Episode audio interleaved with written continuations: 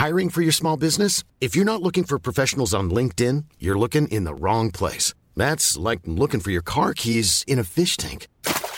LinkedIn helps you hire professionals you can't find anywhere else, even those who aren't actively searching for a new job but might be open to the perfect role. In a given month, over 70% of LinkedIn users don't even visit other leading job sites. So start looking in the right place. With LinkedIn, you can hire professionals like a professional. Post your free job on linkedin.com slash people today.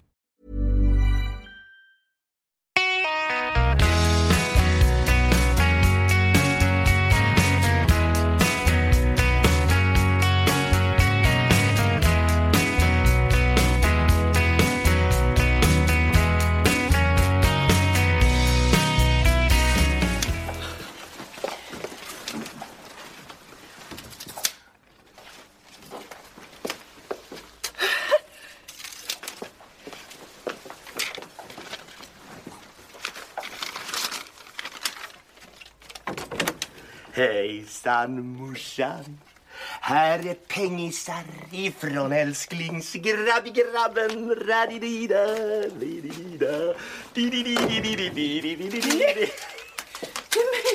Var har du fått alla pengarna ifrån? Life Star. Aces Tonic. Another Lord. Florida Flower. Sunrise Tilly. har du vunnit? Mm. 119 683 kronor morsan. Du kan väl ta hand om honom? Jag menar, jag är ju skyldig dig en massa. Men det här är ju bara några tusenlappar. Det, det, det här är ju en hel förmögenhet. Om du tar hand om honom så kan jag ju låna när jag behöver. Du vet, jag har ju så stora hål i fickorna, de bara försvinner. då, Ja, äh, Lillemor, Eh, ja, nej, hon, hon, får, hon får 5 000. Eh, resten ska jag ha till spel. Jaha, ja, det är inte så att vi ska älta så mycket mer om film och trav kanske. Men i våran genomgång här i ämnet och under de senaste veckorna har vi kanske ändå missat det kanske mest underbara av alla travrelaterade sådana. Har du hittat i dina gömmor? Ja, eh, det bara dök upp faktiskt helt plötsligt här. Eh, Det här var alltså från Lars Molins Den tatuerade änkan, berättelsen om eh, Ester. Spelad av Mona Malmö. En kvinna i över medelåldern med, ja, med vanan att skämma bort kanske både en bufflig man och barn och barnbarn. Men på äldre dag eh, ge sig i kast med ett rejält uppbrott och eh, från sitt gamla liv och starta ett nytt på, på, på gamla dag så att säga. Och här eh, hörde vi alltså den relativt hopplöse sonen Joakim spelad av Göran Forsmark.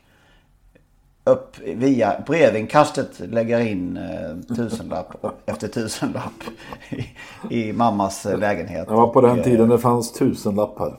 Precis. Han hade alltså satt en, eh, en V5.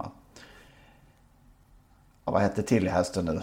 Eh, som man säger med sån förtjusning där i, som sista häst. Sunrise Tilly. Ja, och Aces Tonic naturligtvis. Tonic ingick i det där. Den där V5-omgången. Precis. Som tränades av Erik Svensson om jag minns rätt.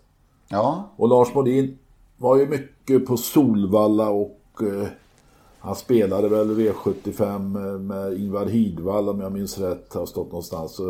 Och, han höll väl till Erik Svenssons stall. Han kanske till och med hade hästar där. ja absolut. Lars Modin alltså. Och jag tror också Göran, Göran Forsmark har eh, en eh, relation till Erik också. Göran Forsmark har man ju hört, om jag nu är rätt ute, eh, sköta intervjuerna på Täby Galopp en gång. I Ah, tid. okej. På den tiden Okej. Täby Galopp fanns. Just det. Känd Solvalla-besökare och eh, boende i Sundbyberg. För denna Forsmark. Resten ska jag ha till spel. Ja, resten ska, men det, det känns igen. Resten ska ha till spel. Här är fem lax, resten ska ha till spel.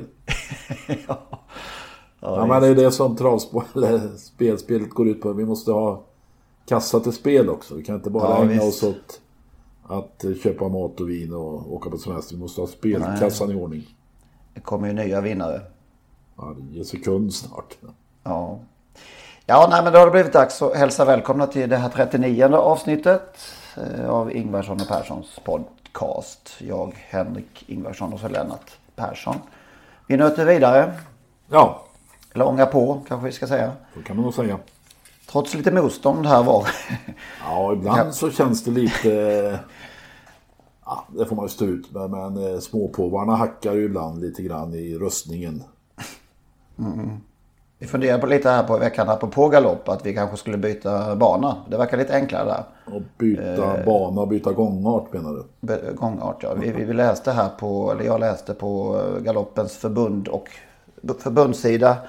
Medieavdelningen där, då stod det att läsa följande. Vill du uppleva vackra hästar i kombination med fart, spänning och dramatik, då är galoppen garanterat något för dig.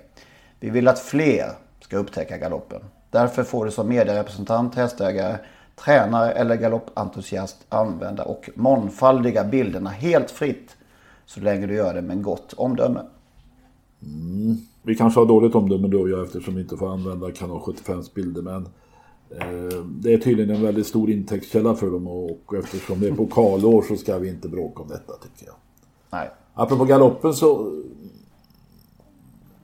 den har nog förändrats lite grann. Jag, det är ganska många år sedan, ett antal år sedan jag var med på någon debatt om galoppens framtid på Täby eller något hotell i närheten av Täby där också om jag minns rätt Mats Gabrielsson Stall Oxalis var med och eh, jag hade någon synpunkt på att eh, det var svårt att ta till sig informationen i programmet eh, i galoppprogrammen alltså de man får i handen och titta på resultatrader och så.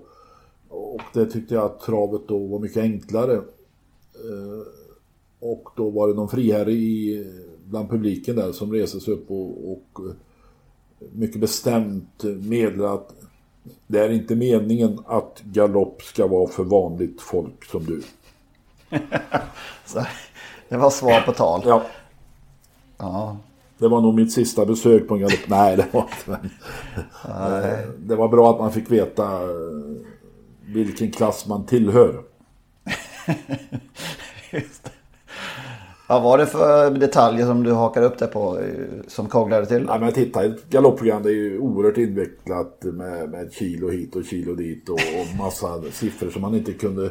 Det är klart att de som höll på med galopp eh, lärde sig det snabbt och de som Tror du inte det är samma med, med, med trav i, för, för de är oinvigda bortom vår krets? tänkte just säga det. eh, Men eh, jag tror ändå att det är enklare att ta till sig information. Men den har blivit svårare nu med alla skor och huvudlag och urryckare och det ena med det andra. Ja, vissa vill väl ha in fler detaljer i programmet dessutom. Eh, typ, typ huvudlag och eh, vagninfo är väl en del eh, önskat. Det kanske känns som att det blir, kan bli kluddigt. Ja, ja. Alltså programmen blir ju tunnare och tunnare och mindre och mindre och ibland får man inga alls. Så att det är, ska man då komplettera med ytterligare upplysningar så blir det ont om plats. så.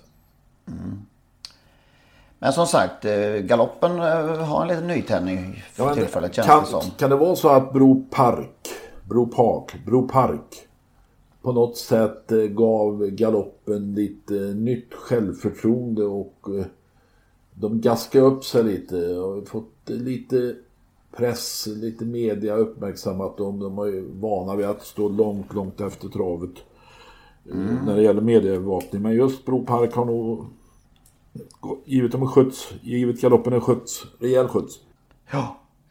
Det är i kombination med, med pengarna då som eh, försäljningen och Täby galopp innebär och innebär fortsättningsvis också under lång tid framöver är det ju, är ju tron. För att det, det är ju pengar som ska betalas ut efterhand. eh, eh, Ja, I samband med att detalj, nya detaljplaner klarnar och eh, när respektive produktionsstart av ja, hyreshus och så vidare sk- sker där ute på, på gamla galoppfältet. En, kass, Så, en kassako alltså. Ja, precis. Man, vill ju, ja, man kan ju tänka sig vad Solvalla hade kunnat inbringa. Om, Hoppas- om, eh, Hoppas ingen sån här riktigt inbiten friherre nu lyssnar, det är ju ingen risk i och för sig. Och börja prata om kossor när det handlar om fullblodshästar. Eh, annars så är väl det största som hänt eh, under helgen såklart eh, avslutnings, det avslutande storloppet i vintermeetinget. Det, ja, det är väl nästan så vi kan samma, sammanfatta hela, hela meetinget med ett enda namn. Just det, Bold Eagle och så lägger vi till då Pierre Pilarski, Sebastian Guerato och Frank Nivar. Det är, det är väl en bra sammanfattning. Ja. Prix de Paris igår. Ja. Rasande häftig avslutning. Ja, man satt ju och funderade på vad håller han hus? Eller hur han tänkte här då så smäller det bara till liksom sådär va. Då kommer nummer 13. Ungefär så var det. Ja. Att, eh, Och det där påminner mig lite om ett elitlopp och som möjligen kan bli samma sak den här gången. Man pratar om Frank Nivard, eh, Solvalla, det kan bli bekymmer men eh, det är bara åtta hästar med och då kan man ju som sämst hamna i fjärde par utvändigt eller något sånt där, femte par utvändigt om tre bara kör på innerspår men någon försvinner väl direkt och sådär. Eh, jag minns 1996 när Cocktail Jet vann, om du kommer ihåg. Jean Etienne Dubois höll på att sumpa hela alltet när han mjölkkörde i försöket och tog sig till final på nåder med fjärdeplats va ja, det var med Guds försyn Ja. eh, gå- gånger 10 Ja. faktiskt. Och hamnade då från bricka 7 i finalen. Han hamnade sist. Jag tror det var fjärde ut just. Ja, det var just det. Jag ser Bold Eagle framför mig just där. Och så Okej. eh, den här våldsamma speeden över upploppet och fångade väl in Sobin strax före mållinjen då. Ändå i god tid kändes det som. Ja, det var det sågen i Dödens och Triple T Storm i ledningen för mig va? Det kan nog stämma, det stämmer ja. Så ingen, det var ingen Nuncio i ledningen. Nej, det var det inte. Det har du rätt i. Det blir värre alltså. Du hävdar med att Nuncio är är bättre än Sogen då. Ja, framförallt Triple T Storm. Ja, men jag hävdar då att Bold Eagle är mycket bättre än Cocktail Jet. Du, jag minns det där Cocktail Jet faktiskt. Eh, eh, En fotograf som jag träffade på Prix d'Amérique det året, en, eh, en av Sveriges Televisions fotografer. Roger Persson tror jag, så heter han. Han blev väldigt förtjust i den där Cocktail Jet som vann Prix d'Amérique. Och sa då att nu ska jag åka till Solvalla på Elitloppet och spela Cocktail Jet. Eh, det blev lite hinder för att hans hustru födde barn tidigt samma dag. Eller om det var på nattkröken framåt morgonkulan där i alla fall. Och han var på BB men lyckades eh, utvinna permission där någon timme och kastade sig i bilen i hög hastighet till Solvalla. Och kom just in när det var några minuter kvar till Elitloppets final. Han hade inte en aning om hur det hade gått i försöket men han gillade den där så han rusade in i totoluckan och spelade, minns jag rätt så var det 2000 kronor. 4,33. Och då kanske han gjorde som vår vän i, i filmen alldeles nyss. Åkte till BB och stoppade 9000 eller närmare 9000 där på, på nattduksbordet eller under täcket Precis. hos den nyfödde. Just det. Alltså Ja. det som skulle kunna fälla Bold Eagle, Henrik. Det är om man får innerspår i försöket. Jag vet, vet, väl fortfarande inte hur snabb Jo, jag tror han är våldsamt snabb om man försöker. Och då måste han göra det. Men om man skulle missa ledningen av någon anledning. Ja, Och inte hinner ut. Ja, då kan det bli problem naturligtvis. ja. Vi är långt fram i spekulationerna. Ja, just det. Det är ett tag kvar där. Men det, kommer- alltså det, grejen är att vi kommer spekulera. Alla spekulerar ju det här ända fram till den, det 27 maj. Så att... ehm, Ja, Det- det får vi nog leva vi- med. Ja, vi håller på egentligen med de här två minuterna av ett år. ja. Som, som det där loppet tar. Det är fascinerande. Men nu byggs det, nu byggs, jag skrev det tidigare, nu byggs hela det här Elitloppet på två hästar. Så glömmer vi Resolve och några till, men på två hästar. Om en av de här faller ur, inte kommer, inte ställer upp, då blir det lite pyspunka. Då stoppar vi in Delicious. Den har vi alltid att ta till, just det, det har du rätt i. Ja. Ja. Men jag förstår vad du menar. Det är ju... Det är läge för en baksmälla om det, om det skulle falla med någon av dem. Det är helt klart. Och här kommer ju faktiskt en som inte ens kanske tror att fransmännen kommer. Just det. Här är Kari. Tre minuter Kari, nu blir det tre minuter Kari. Tre minuter Kari, nu blir det tre minuter Kari. Om man nu kan hålla tiden. Tjena Kari! Hej Mr Elake, hur är det? Har du inte slutat med det än? Hur har du det? Så ja, jag har det bra. Jag är i finska Lappland och åker skidor. Du eh, åker skidor, det är perfekt. Du kan kvala in till Colombias landslag. Ja, det är gränsfall. Men jag slagit, han som de filmade, den där venezuelska killen som aldrig hade stått på benen. Jag tror att honom hade jag slagit. Colombia gjorde ju fel där i sprintstafetten om eh, feldisponering av laget. De började med fel snubbe på första sträckan. Ja, Fick bara åka en sträcka va? ja. Ja men du, det här Niskanen var på väg att lyfta en hel nation mot den blåvita himlen och så stod en norrman i vägen. Hur reagerar du då? Ja, det var sorgligt faktiskt. Men jag, jag mest tyckte jag synd om livelsen alltså. Det, därför att han gjorde det inte med flit. Och, Är du säker på det? Han kände sig trängd och kände sig hotad och försökte stänga finnen ju. Jo, men, men det är självklart. Det, har man, det, det såg vi det redan i, då när det var damernas sprint, när Stina Nilsson Alltid när det kommer in en sväng, allihopa vill dit in, och in, inåt alltså. Det är självklart att man ska dit och, och att han gjorde det inte med flit. Och det, det, man, man tycker att det, visst var det klantigt gjort men att eh, man hade kunnat ana att det kanske blir så. Och hela, en hel nation är upprörda över Norge nu alltså. Ja, och visst är det det. Att jag, jag, jag, jag skäms lite att vara finne faktiskt. Därför att man måste förstå att det är sånt som händer. Ja, men hur reagerade du när du var tränare? Kommer du ihåg Elitloppet där och du fick någon över dig och du rivstartade från Solvalla stallbacke? Nej, jag gick lugnt från eh, direktsändning, lade lurarna på bordet och gick mycket sakta och säkert till stallbacken och åkte hem. Jag rivstartade inte utan jag var lugn och behärskad. Lite sur var jag. Du Sami, jag och Järvi har bjudit in Iversen till ett bastubad.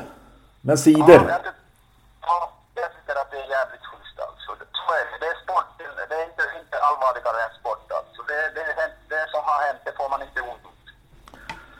Du eh, hade ju lite synpunkter på Nuncio förra veckan. Vi pratade. Har du fått någon mothugg?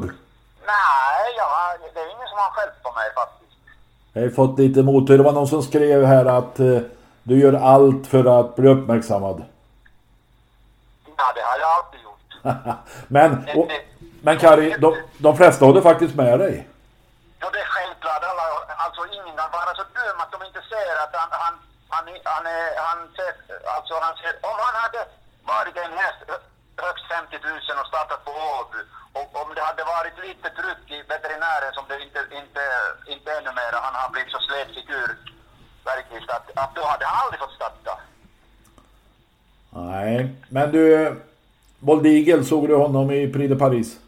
Ja, ja, ja. Vad säger du? Nej, han är grym, men, men han gör det jävligt bra. Alltså, visst är han bra. Jag, jag tror faktiskt inte att vi ser dem mötas i Elitloppet. Det tror jag inte. Du tror inte att de möts? Ja, jag tror inte att han kommer, Riegel. Jag tror inte det. Varför det? Nej, jag har en känsla att vad fan, vad, vad, har han att vinna? Ja, men Pierre Pilar, jag, tror, jag tror ägaren eller delaren Pilarski struntar. Han vill komma till Solvalla och visa upp sin fantastiska häst. Ja, men vi har sett nu den så många gånger att det, han har bara att förlora om han kommer att... Om han torskar mot Nuncio, det, det är surt alltså. Hur ska det gå till då, att han ska torska? Ja, året är långt och ni har väl inte glömt hur Nuncio kan vara, alltså, hur bra han är. Så du tror han kan ge Bold Eagle en match? Ja, absolut, absolut. Om jag skulle slå, om, om, jag hade vetat om satte bäcket vad jag hade spelat Nuncio, alltså, det hade jag gjort. Du tror alltså att Nuncio vinner Elitloppet? Det tror jag. Om han, får- om han får starta. Du, eh, du hade en hemläxa och ta fram den vackraste häst du har sett. Har du gjort den läxan? Ja, jag, jag funderar lite att jag hade en gång i tiden, äh, vackra hästar brukar vara ston och så, men jag hade en jätte, jag, jag gillade hästen, tyckte att han var vacker och det var Länder Hanover. Alltså han, han Nordstrands Björn Nordstrands ja. Ja. Men han var vacker. Han hade jättefin hals och huvud. Han hade extremt vackert huvud och hals. Jag tyckte att han var vacker. Man, det, det, man säger inte om hingstarna vacker och så, men att det var han. Alltså. Det var han, absolut. Du får fortsätta åka skidor. Ja, det gör jag. Ha det gott! Bra. Hej! Mm, hej. Eller ena sekunden säger han att uh, Nuncio inte ska starta och i nästa ögonblick så vinner han Elitloppet. Hur ska han ha det egentligen? Eh, Sa han att Nuncio inte skulle starta? Nej, att han inte borde få komma till start Nej, ens. ja just det. Men han tycker veterinären är så flata nu för tiden så att han får komma till start. Ja. Men, eh, Och när han väl kommer till start då vinner han Elitloppet. Ja. Trots att han ser dålig ut så vinner han Elitloppet. Men hade vi något mer, vill du säga någonting mer om eh, just vintermeetinget som vi ju strax stänger? Ja, vi, vi sammanfattar ju kort med Boldigen naturligtvis men Alltså jag har fått en ny favorittest, ja favorittest, den vackraste jag har nästan sett Belina Josselin som var två i Prix d'Amérique. Vi kan väl konstatera också att Daniel Redén trots att jag tror hästarna har sprungit in 5 miljoner, det är ju ganska mycket pengar för de flesta. Eh, ändå haft lite stolpe ut. Alltså Lionel var trea i Prix d'Amérique förvisso. Eh, Propulsion var väl fyra. Men sen i några lopp där så har det ju gått käpprätt åt skogen jag på att säga. Men ja, kanske inte det men otur. Ja, häxat. Helt... Häxat heter det på travspråk. Just det. Och så denne Örjan Kihlström som vi har alltid sagt att Örjan och Vincent det är som hand i handske. Va? Och det, det har ju visat sig genom åren. Han vann, ja, var ju tvåa med Maradja i den här våldsamma duellen med Reddy Cash 2011. Vann Prix d'Amérique 2014. Har vunnit Prix de France ett par gånger med Naglo. Eh, Prix de Paris i fjol och så vidare. Va? Men i år har det inte stämt alls. Alltså han har haft fel handskar på sig. Och sånt där. Det, det har inte fungerat. Och senast eh, veckan som gick det var Propulsion var det väl då va? I Prix, Prix de Plateau de Gravel där han blev störd eller störde sig själv till galopp vad det nu var. Precis. Däremot har ju Björn Goop haft Alltså Björn Goop, det känns nästan nu som att Björn Goop aldrig lämnar Vincennes Vincent utan att ha vunnit ett lopp. Alltså han eh, eh, vi såg i söndags Twister B. En sån där våldsam rush på baksidan i uppförsbacken. Som man nästan inte ser maken till särskilt ofta. Och vann det där loppet då. Jerry Riordas Twister B där för övrigt Tango Nero Nero var tvåa. Eh, Sådana där eh, ruscher i uppförsbacken brukar fransoserna undvika för det, Stigå sa någon gång i tiden att eh, köra hårt i uppförs, uppförsbacken då blir det lätt blodsmak i munnen på hästarna som de har svårt att glömma. Det bryr sig inte Björn om. Ja, ah, Uppenbart. Conny Nobel fick en sån där rush en gång i tiden och det var just det. tungt. Men som sagt, Björn tar ju för sig mer och mer och får köra en hel del hästar åt andra tränare. Eh, och eh, han är väl nu etablerad. Eh, Underlättas väl då lite grann av att han är ganska duktig på språket och så vidare. Mm. Eh, Jag tänkte på det. Har, har, vi, har vi sett en häst av den här kvaliteten eh, som samtidigt är så oansenlig? Nej, inte av den kvaliteten eftersom vi aldrig har sett en häst som är lika bra som Bold Eagle. Du vill drista dig ända, ända dit alltså? Absolut den bästa travhäst. Ja, man, nu kommer alltså jag få på skallen här. Varenne. Orasi. Men... Maclobel. eh, ja. Jo, springa ett varv på amerikanska milebanor och ett och ett halvt varv på Solvalla. Men nej, jag, jag tror att eh, när det görs bokslut på Bold Eagle så är han den bästa häst världen har skådat så här långt. Segern igår innebär förresten att han sprang in drygt en miljon euro på de där tre starterna med Rick, Prix de France och Prix de Paris. Eh, Men all, vi har kanske aldrig sett en häst som är så dominant så sällan och nästan aldrig vinna från ledningen. Har vi sett honom vinna från ledningen? Ja, det, han, har, han har vunnit från ledning men jag tror, Men inte på hela vintermeetinget nu i alla fall. Nej. Alla lopp har varit bakifrån. jag tror de har bestämt sig för att absolut inte köra i ledningen och det, det var inför det här loppet igår så skulle hästen köras på speed. De litar på hästen, att han klarar det. Men de, vill hellre, de ser också framåt naturligtvis, han är bara sex år. Och köra till ledning. Titta hur det är att köra till ledning på Vincennes nu för tiden. Lejon eller igår, det blir... Det kommer hästar som står kanske 50-100 gånger och vill ta över och släppa igen. Så det är fasansfullt det där att sitta i ledning. Det är så sällan att få vara i fred. Det blir sådana här konstiga körningar. Det, ja, det är lite svenskt, eh, svenskt synsätt kanske att tänka ledningen att det är närmaste vägen till mål och jadi jadi som vi håller på här. Men det har utvecklats en kultur där tycker jag där så var det inte förr. Då, då körde man ju full fräs hela vägen. Styrkan avgjorde. Men här släpper man till varandra om man ser på kroppsspråket. Det gör man i Sverige också nu. En del också är för jävligt tycker jag. Men, eh, här hela tiden så kommer det någon ny alltså, så att... Mm. Eh, nej, jag tror... Men det är alltid mindre marginaler och lättare att det strular när det ska anfallas bakifrån liksom. Och ja. han, det, nästan alltid, det löser sig alltid liksom. Det är den känslan ja, man har. Hästen har självförtroende, kusken har självförtroende. Frank Nivard litar på speeden. Nu fick han ju lite hjälp där av Basil i Prix d'Amérique och få fritt fram. Mm. Eh, Okej okay, att man förlorar ett lopp någon gång då och då på det här viset är möjligt. Men man förlorar ännu fler i ledningen och framförallt så tar gissar jag tar psykiskt stryk. Alltså, nej, det är nog mycket, mycket förståndigt att köra som han gör. Och, och ja. tränaren Guarato där han är en klok person som, som vet hur en slipsten ska dras. Mm. Ja, men det närmaste jag kom när jag funderade lite här på det här oansenlighetstemat. Det var kanske en annan Prix Vår egen Queen L. Hon, det var inte så mycket, hon hade inte så mycket som talade om en superstjärna om man ska vara helt ärlig. Nej, hon såg inte mycket ut för världen. Legolas var ju också en liten simpel. Nu vann mm. han inte Prix d'Amérique men han vann ju massa raka segrar. var tvåa i VM. Men det var ju inget som han eh, blev... Han hade ingen utstrålning. Nej, precis. Queen L kompenserades ju genom utstrålningen. Tore Larsson, ägarens, med den där lilla hatten. Han hade utstrålning. Mm. Och sen Fuxa och hennes flackagång och ja. sådär. Men, men, när hon kom studsande i värmningen så var det ju det var ingen världsstjärna direkt man såg. Eh, i, kände i magen. Nej, som tur, var, var, som tur är Henrik så är det inte alltid utseendet som är avgörande för om vi är duktiga eller dåliga. Nej. På tal om det höll jag på säga. eh, sedan senaste avsnitten är du inne i en helt ny fas av livet. Ja, jag har provat flera gånger förut i den fasen. Misslyckats. Okej, okay, okay. Men du har gått in i ett bantningskapitel, eller vad ska jag säga? Ja, framförallt ett vad. Alltså ett, ett, ett bantningskapitel med ekonomiska sanktioner om jag misslyckas.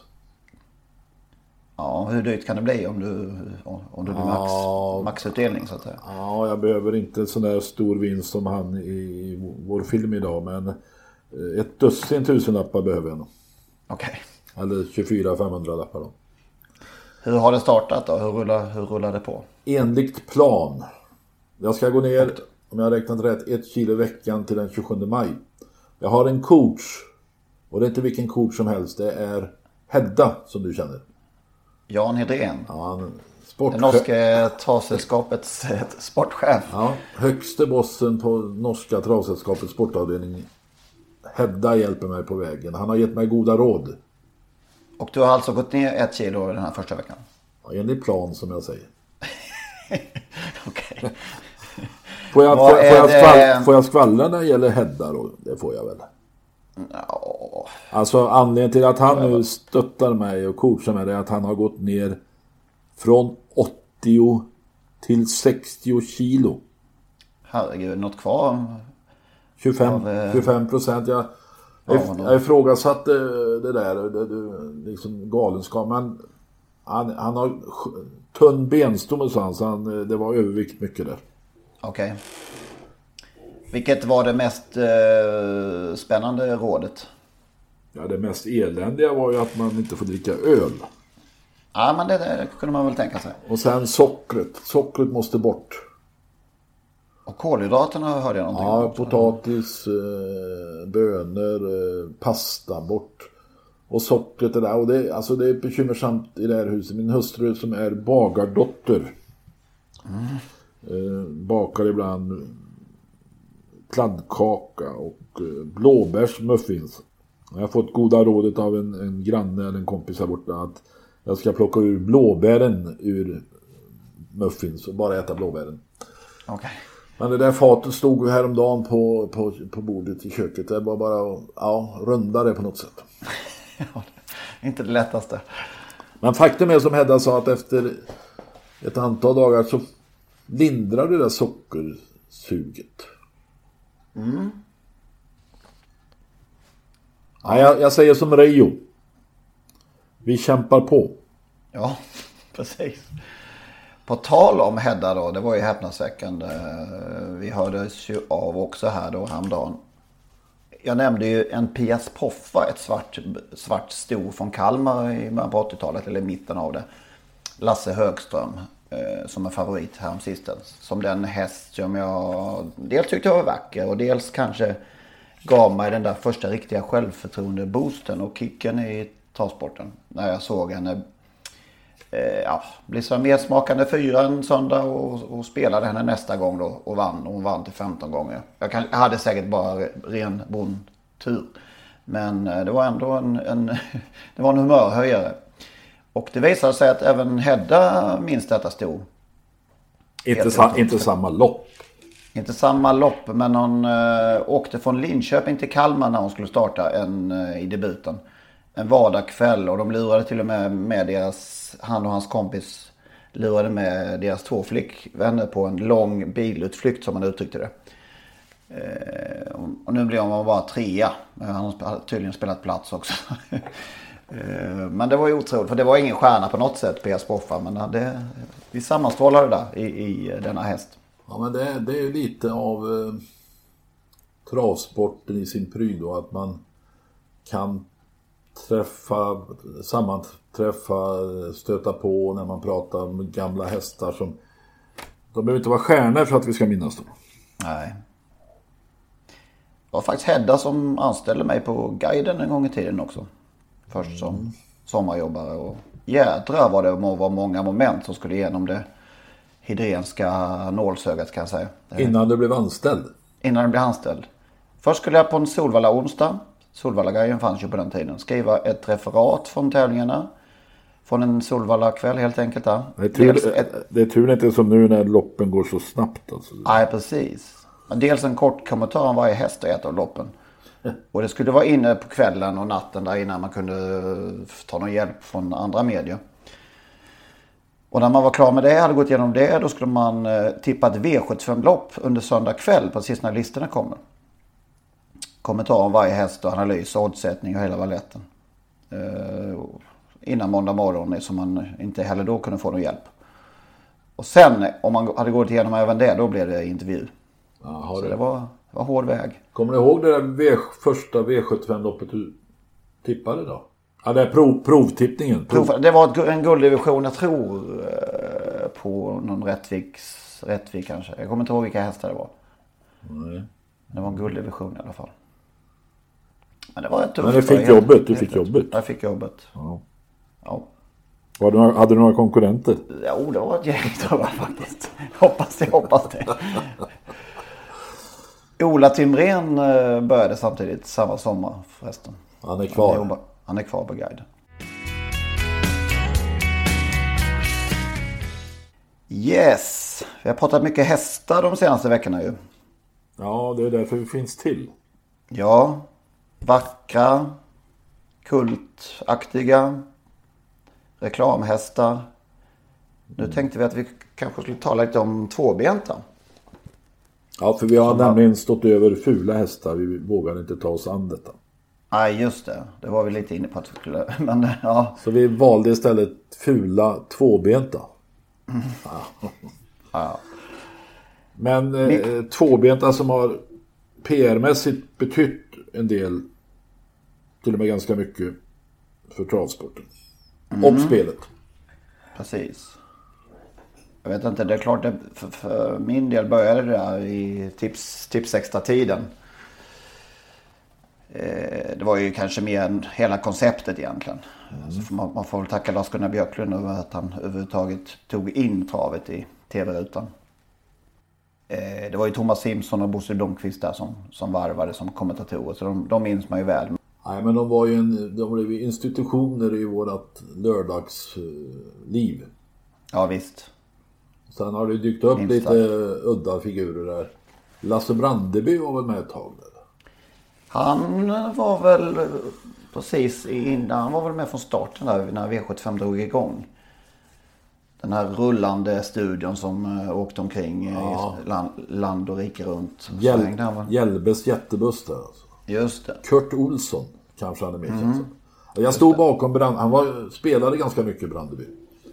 Okej. Och jag stod bakom honom i luckan i pressrummet på Åby och eh, han frågade om han fick, han skulle spela en häst och frågade om han fick skriva en check på 5000 kronor. Oj, okej. Direkt i kassan där, och det, det sa kassan, ja men det kan jag fixa, skriv den. Och då tjuvtittade jag i hans checkblock. Och det står ju namnet längst ner, eller stod då, Lars Brandeby. Men det stod faktiskt Kurt Olsson. Nej. Jo. Det var det jävligaste. Jag ser det där checkhäftet framför mig. Kurt Olsson. Ja. Eh, ja, Gick väl ur tiden här för något år sedan, Brandeby. ja, ja, det är nog mer än något år sedan gissar jag. För det, Tiden går fort. Det var ju lite för tidigt Säkert. naturligtvis. Ja. Eh, vi får ju inte glömma Loket såklart. Nej, Loket och Bingolotto-hästen, alltså det tror jag var ett eh, genidrag. Jag tror Nisse Stare eh, på den tiden fick uppdraget och äran att utse Bingolotto-hästen. Okej, Om jag minns det rätt. så alltså. Ja. Nej, Loket har betytt, inte bara där, han har ju också varit med senare i olika sammanhang och, och, och, eh, och ofta på banorna. Nej, det är en, eh, ja, en god gubbe, som vi säger. ja, som sagt, det var, ju, det var väl så att eh, jag förstår så den där Bingolotto-hästen var väl en mycket attraktiv vinst i. Ja, ja, det var det ju. Det blev ju väldigt populärt. Sen har vi såklart Semmeland och Benny Haag. Och badmössorna, ja. Badmästarna här. Det var ju, på tal om att ha synpunkter. Det, det fanns ju gott om på den tiden. Jag vet att de är väl fortfarande en aning småbittra över, kritiken de fick eh, under de där åren. Penny, eller Melander, Men- Melander dök ju upp på Grobois där Prix d'Amérique-helgen och var mm. reseledare, guide där och pratade om travsport och visade runt där i stallarna med Jörgen Westholm och Stefan P. Pettersson. Nej, det var ju också väldigt, det får vi kalla det, var väldigt lyckat. Eh, De hade, gjorde väl sina övertramp. De skulle väl dricka eh, Victoria Tillys urin någon gång och sådär. Men, men, men i stort sett så var det ju Hög, Tveksamt. höga tittarsiffror om jag minns rätt. Ja, verkligen. Sen har det ju moderniserat, Jessica Almenäs, eh, det är kanske den mest lysande stjärnan Ja. som programledare. Precis. Nu har vi Per Skoglund som en stor profil då. Ja. Eh, sen en som har stått sig alla år, eller många år, och står rakryggad där med sin kala gässa och det blåser ibland på den där gässan. Men det är ju Micke Nybrink, man kan ju tycka vad man vill. Men han har ju varit, eh, det är ju en evighetsmaskin känns det som. En ung pojk som, eh, som har på kort tid gjort sig ett namn, Matteus Liljeborg. Ja, han eh, gillar alla verkar det som. Bara han låter bli att... ja, Jag fick ett sms häromdagen när han hade någon vinnare i Boden på ett dagens dubbellopp. Som väl var glömde jag av det och sen när jag tittade... Vad heter hästen? Da Vinci Bocco kanske? Nej, jag är inte säker. När jag tittade hur det gått så, så, ja, så gjorde det inget att jag glömde. Eh, vilka aktiva har, har betytt mycket då? Ja, det är ju självklart Stig Johansson suverän etta. Okej.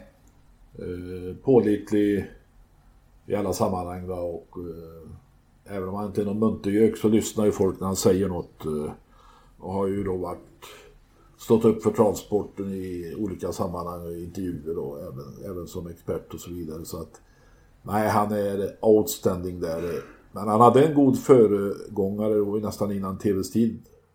Inte riktigt, men Sören Nordin var ju också väldigt PR-viktig för svensk travsport. Korrekt i allt.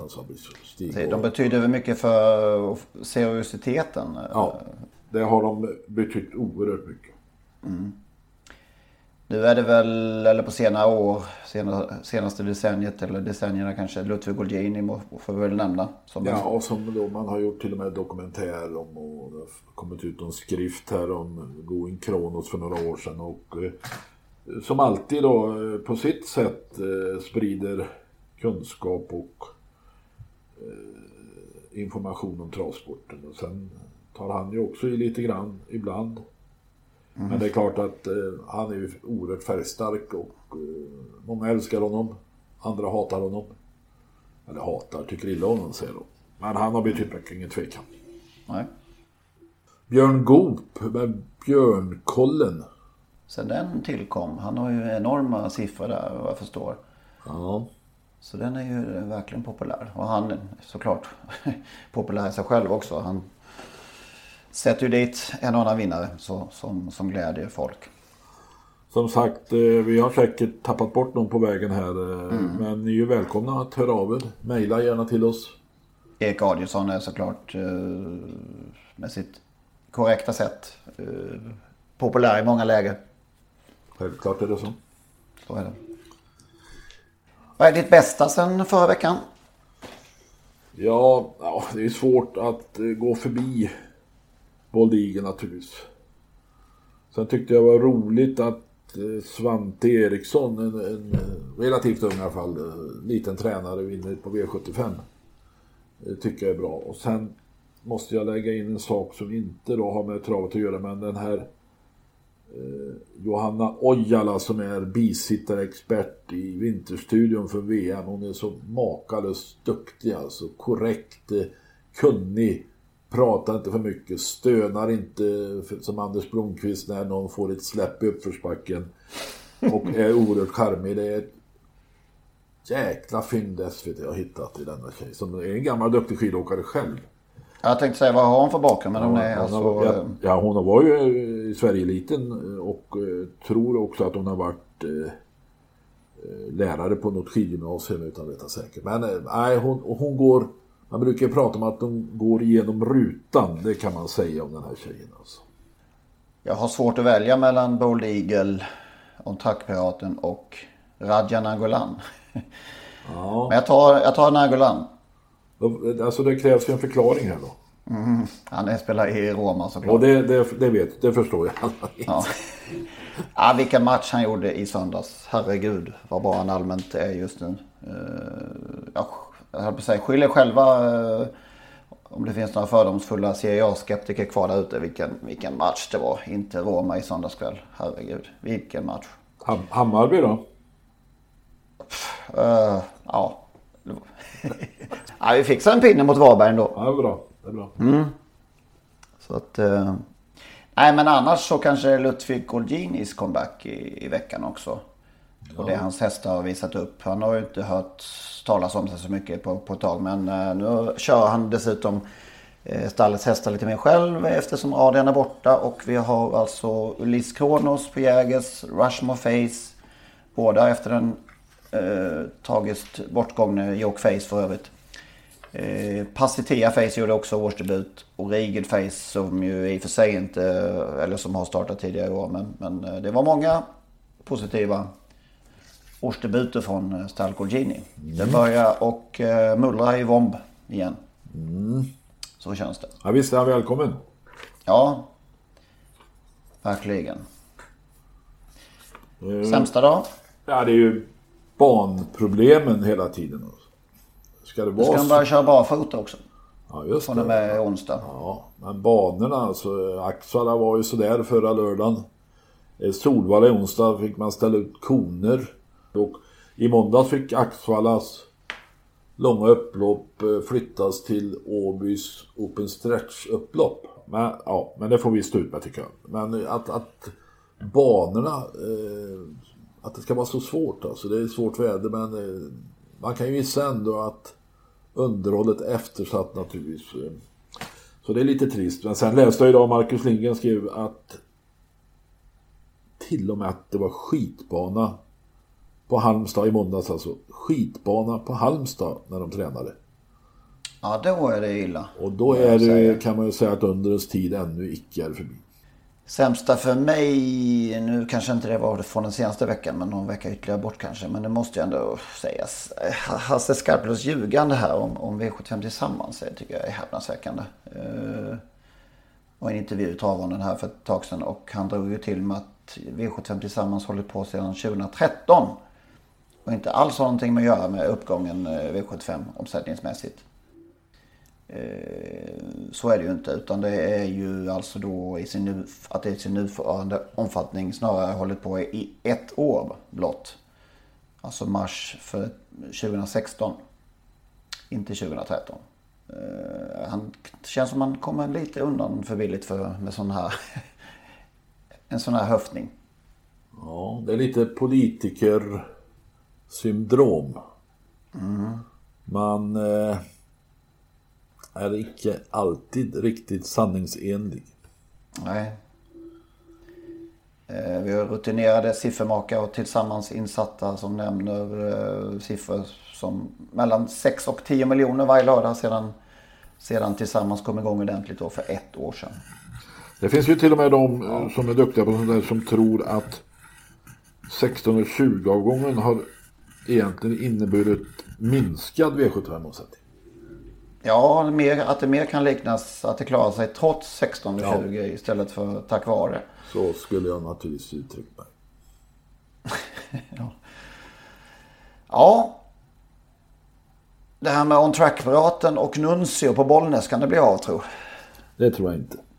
Okej, okay. för att? Nej, det undviker nog Melander. Strömberg går ut och säger till i tid så han ska skrämma Tarzan lite. Mm.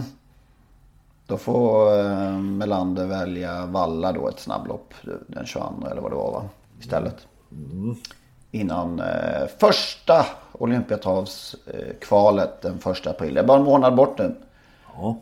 Ja. Mm. Ska vi helt enkelt runda av det här avsnittet då? Med någon V75-vinnare kanske? Just det. Jäklar alltså vilken omgång det ser ut att vara på lördag. Vi pratade om Elise Kronos som kommer bli ganska stor favorit i den fjärde avdelningen. Tror jag. För vi, det här tidigt på veckan, vi trodde på Man at Work förra veckan och han blev till slut 35-procentare. Och det var inte vår förtjänst eller vårt fel utan det blev helt plötsligt sånt där kommundrag man ofta pratar om. Men Ullis Kronos mötte senast J.H. Mannerheim, heter han så? Ja, det kanske han gör. Eller något annat. Eh, då vann Ulis Kronos men när Johan Untersteiners häst utmanade så tyckte jag att han var på väg att avgöra. Nej, nej, nej, nej. Han kom bara till hjulet. Ja, just det. Vilket jävla hjul. Ekorrhjulet. jag hörde detta. Men ja. alltså när han ryckte bomullen där på eh, Johan Untersteiner så såg det ut som hästen skulle explodera. Eh, nu möts de igen. Ullis Kronos blir nog ganska stor favorit men jag tror det blir revansch och i synnerhet eftersom Ullis Kronos har spår 2 i volt. Det tror jag kan ställa till problem medan eh, Johan Untersteiners häst har spår 5 och kommer kliva iväg utan några problem.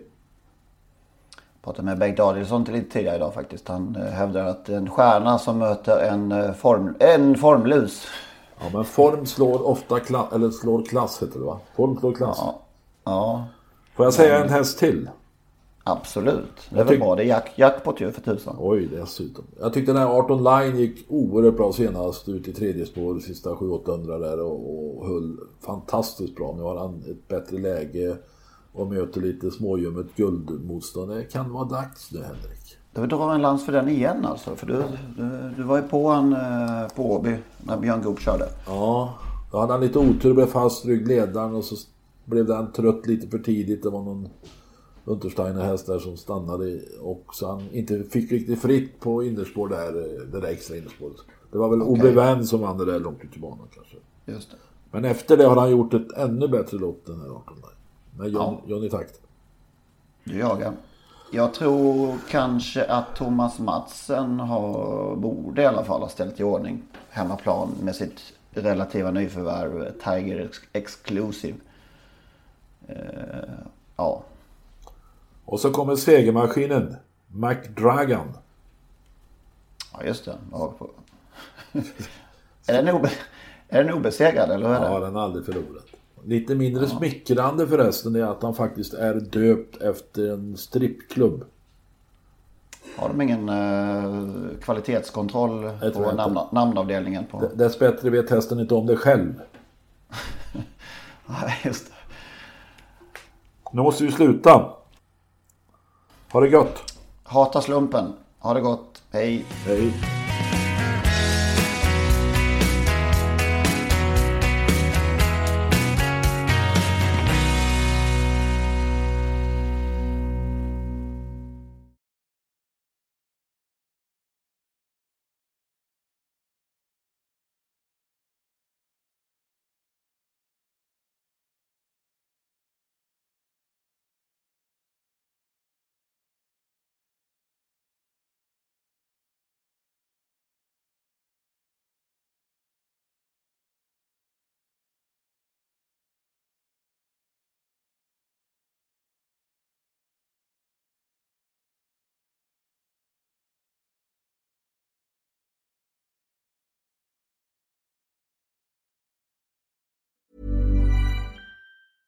Mom deserves the best, and there's no better place to shop for Mother's Day than Whole Foods Market. They're your destination for unbeatable savings, from premium gifts to show-stopping flowers and irresistible desserts. Start by saving 33% with Prime on all body care and candles. Then get a 15-stem bunch of tulips for just $9.99 each with Prime. Round out Mom's menu with festive rosé, irresistible berry chantilly cake, and more special treats. Come celebrate Mother's Day at Whole Foods Market.